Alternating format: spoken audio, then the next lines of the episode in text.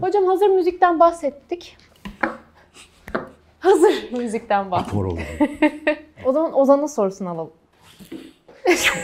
Evet. Hocam Ozan soruyor. Şaka yapmaya karar verdiğimiz an, yani bir sohbet içinde nasıl bir an geliyor da ben buraya bir şaka yapayım diyoruz. Hocam Ozan orada, Ozan'a dönün. Onun sorusu Gene gene bu hocam. mu geldi? Yok güzel soru ama. Daha önce mizahla ilgili bir video çekmiştik sevgili arkadaşlar. Mizah denen hikayeyi yapabilmeye muktedir insan beyninin işte hangi özellikleri vardır falan filan diye konuştuk. Üstünde gelişmiş bir beynin özelliğidir dedik ve özellikle orada da anlatırken komik bulduğumuz şeylerin bize zarar vermeyen ama beklentilerimize aykırı durumlar olduğundan bahsetmiştik. Yani bir beklentimiz var. O beklentimiz gerçekleşmiyor. Gerçekleşmediği zaman eğer bize zarar vermiyorsa gülüyoruz ama bize zarar verme potansiyeli varsa kaşlarımızı çatıyoruz, kızıyoruz ya da ağlıyoruz. Yani negatif bir tepki üretiyoruz. Aslında pozitif yani bize zarar vermeyen bir sonuca çıktığında gülümsememiz ya da gülmemiz etrafımızdaki insanlara bir mesaj diyoruz ki tehlike yok. Tamam ters bir durum oldu ama iyiyiz biz. Şimdi bu gerçekten yola çıkacak olursak bir muhabbet esnasında sohbeti takip eden insanların birçoğunda mesela bende genellikle böyle çalışıyor. Yalan yok vallahi ben acık e, o konuda fırsat kollarım. Konuşmanın gittiği yönde konuşulan konularla ilgili çelişkiler arayan bir tarafımız var. Çoğu insanda bu taraf oldukça aktif çalışıyor. Mesela konuşulan bir konuda hemen espri oluşturabilecek bir çelişki yakaladınız ya da bir çelişki üretebileceğinizi fark ettiniz. Hemen orada benim gibi bazı kişiler dayanamayıp şakadan diye o espriyi, o çelişkiyi nazara vererek biraz da tabii ustalarsa onu önce hazırlayıp sonra punchline'ını yani vurucu noktasını koyarak bir kahkaha patlatabiliyorlar. Peki insan bunu niye yapıyor? Ya da bazımız benim gibi tipler Niye bunu yapma konusunda bu kadar istekliler? Bunun bu arada şampiyonunu bir ara Açık Bey'in kanalında da izlediniz. E, Kaçık Bey'in serisini yapan sevgili İhsan Üvez. Aa, evet. Küçüklüğünden beri böyledir. Yani ben onun çocukluğunu bilirim. İki dakika normal muhabbet edemezsin. Arada hemen bir şey yakalayıp şırak diye yapıştırmak ister. Bunu niye yaparız? Aslında insanlarda bu çelişkileri yakalamak, özellikle bilişsel çelişkileri yakalamak ve onlardan zülfiyare dokunup etrafta çam devirmeden, insanları gücendirmeden gülme konusu çıkarabilmek çok ciddi ve incelikli çalışan bir zeka ister. Birincisi bu işi sürekli yapmak bu konudaki zekanızı geliştiriyor. Ama ikincisi sizi toplumda popüler hale getiriyor. Ve siz bunu yaptığınızda özellikle erkekseniz ve etrafta karşı cinsten arkadaşlar varsa onların gönlünü fethetmeniz için en kuvvetli ve değişmeyen silahtır. Dünya tarihinde yani insanlık tarihi boyunca bu her zaman en geçer akçedir.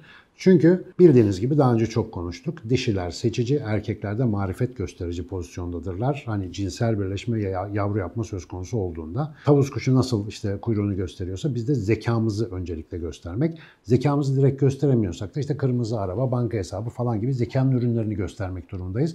Yani zeka var ki bunlar oldu. Yani ona göre bir seçim yap falan tarzında. Ama zeka en çok başvurduğumuz şey ve zekanın da insanda en çabuk, en işlek, en görünür bir şekilde ortaya çıktığı yer sohbet muhabbet esnasında anında espriyi yapıştırabilmektir. Mesela tutup da üniversite sınavında Türkiye birincisi olmak da bir zeka göstergesidir ama bu çok seksi olmuyor genellikle çünkü yanında bazı faktörler eksik olabiliyor. Yani böyle gözlüklerle, kanter içinde falan. O böyle çok dışarıdan hoş gözüken bir şey olmayabiliyor. Toplum içerisinde espri yapabilmek ve bu sırada birçok kişinin olduğu bir ortamda özellikle buradan sağ salim yırtabilmek aslında bütün topluluğa şu mesajı veriyor. Ben en zor işlerden bir tanesi olan sosyal iletişimde o kadar işlek bir zekaya sahibim ki bunu böyle yaparım, buradan da zarar görmeden yırtarım, bu ileride yapacaklarımın teminatıdır şeklinde aslında bir mesaj vermeye benziyor diyor evrimsel psikologlar. Ben %100 aynı fikirde miyim? %87 aynı fikirdeyim. İşin içinde bir de sosyal öğrenme, gelenekler, görenekler gibi ekstra faktörlerin olduğunu düşünüyorum. Çünkü insan büyük oranda artık sosyal evriminin, kültürel evriminin bir parçası haline gelmiş durumda.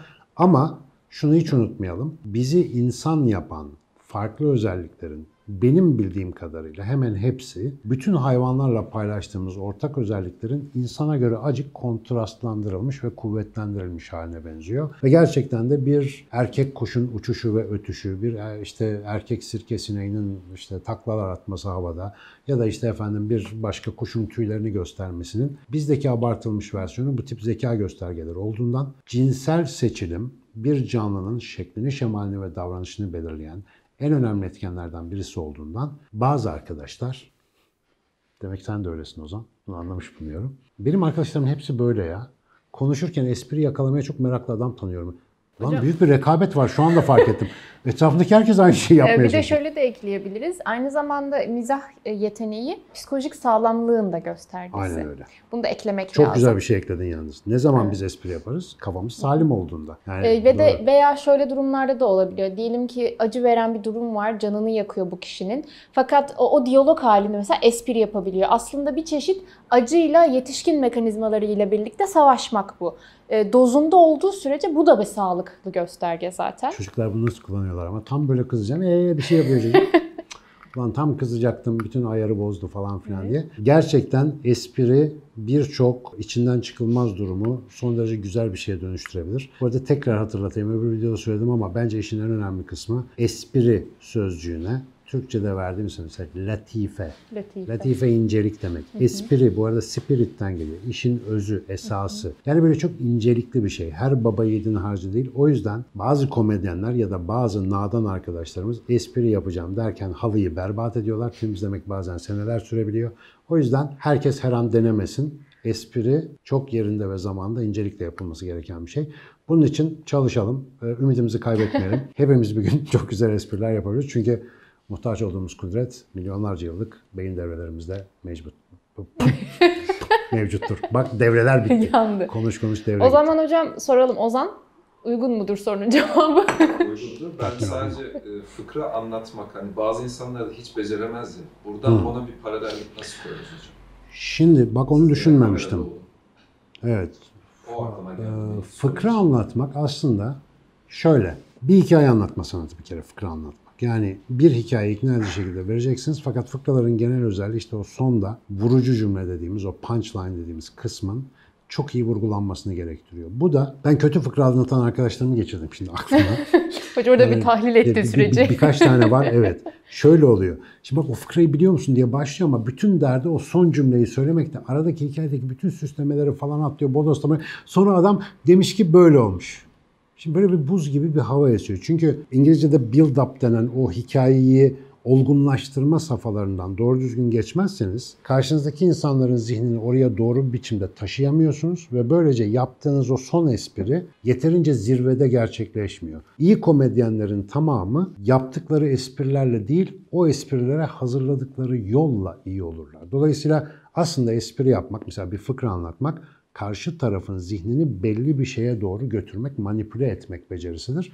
Bu da biraz talim gerektiriyor ama bunun ilk başlangıcı zannediyorum ben iyi fıkra anlattığım zamanlar da oldu, kötü fıkra anlattığım zamanlar da oldu. Hepsine baktığımda kafamda hikayeyi önceden büyük bir netlikle görebildiğim ve detayları anlatmaya yeterli vakit ayırdığım zamanlar fıkraların genellikle her zaman komik karşılandığı zamanlardı. Ama alelacele ya biliyorsun işte bir fıkra varmış öyle falan filan deyince karşı tarafın böyle resmen bir işte ne bileyim kıssadan hisse dinlermiş gibi dinlediği hikayelere dönüşebiliyor. O yüzden mesele yolda arkadaşlar espride değil. Herkes aynı espriyi yapar ama gidiş yolu önemli. Kimya sınavlarının zıttına. gidiş yolunuzu ise skorunuz iyi oluyor diye düşünüyorum. Bilmiyorum cevap oldu mu? Yo man. Aslında hocam Ozan'ın dediğinde de ilk başta anlattığınızda örtüşüyor. Yani ortamın ortamdaki rekabete bağlı olarak da ortamın atmosferine bağlı olarak da yine aynı şaka eylemi işte o fıkrayı anlatma eğilimi oluyor. Yani Bu de tabii insanın beden dili bilimi o kadar çok faktör var ki. Yani birisi bir ezilip üzülüp anlatıyorsa onu artık espri yapmak domine eden bir şey bir kere. Ortamı domine etmen lazım. O Merhaba, yüzden ben bir alfa. duruş, kendine güven falan değil mi? Bir alfalık hikayesi lazım. O da her gün olmasın be. Her gün alfalıkta çekilmez. İşte arada bir de beta delta falan olmak lazım. えっ?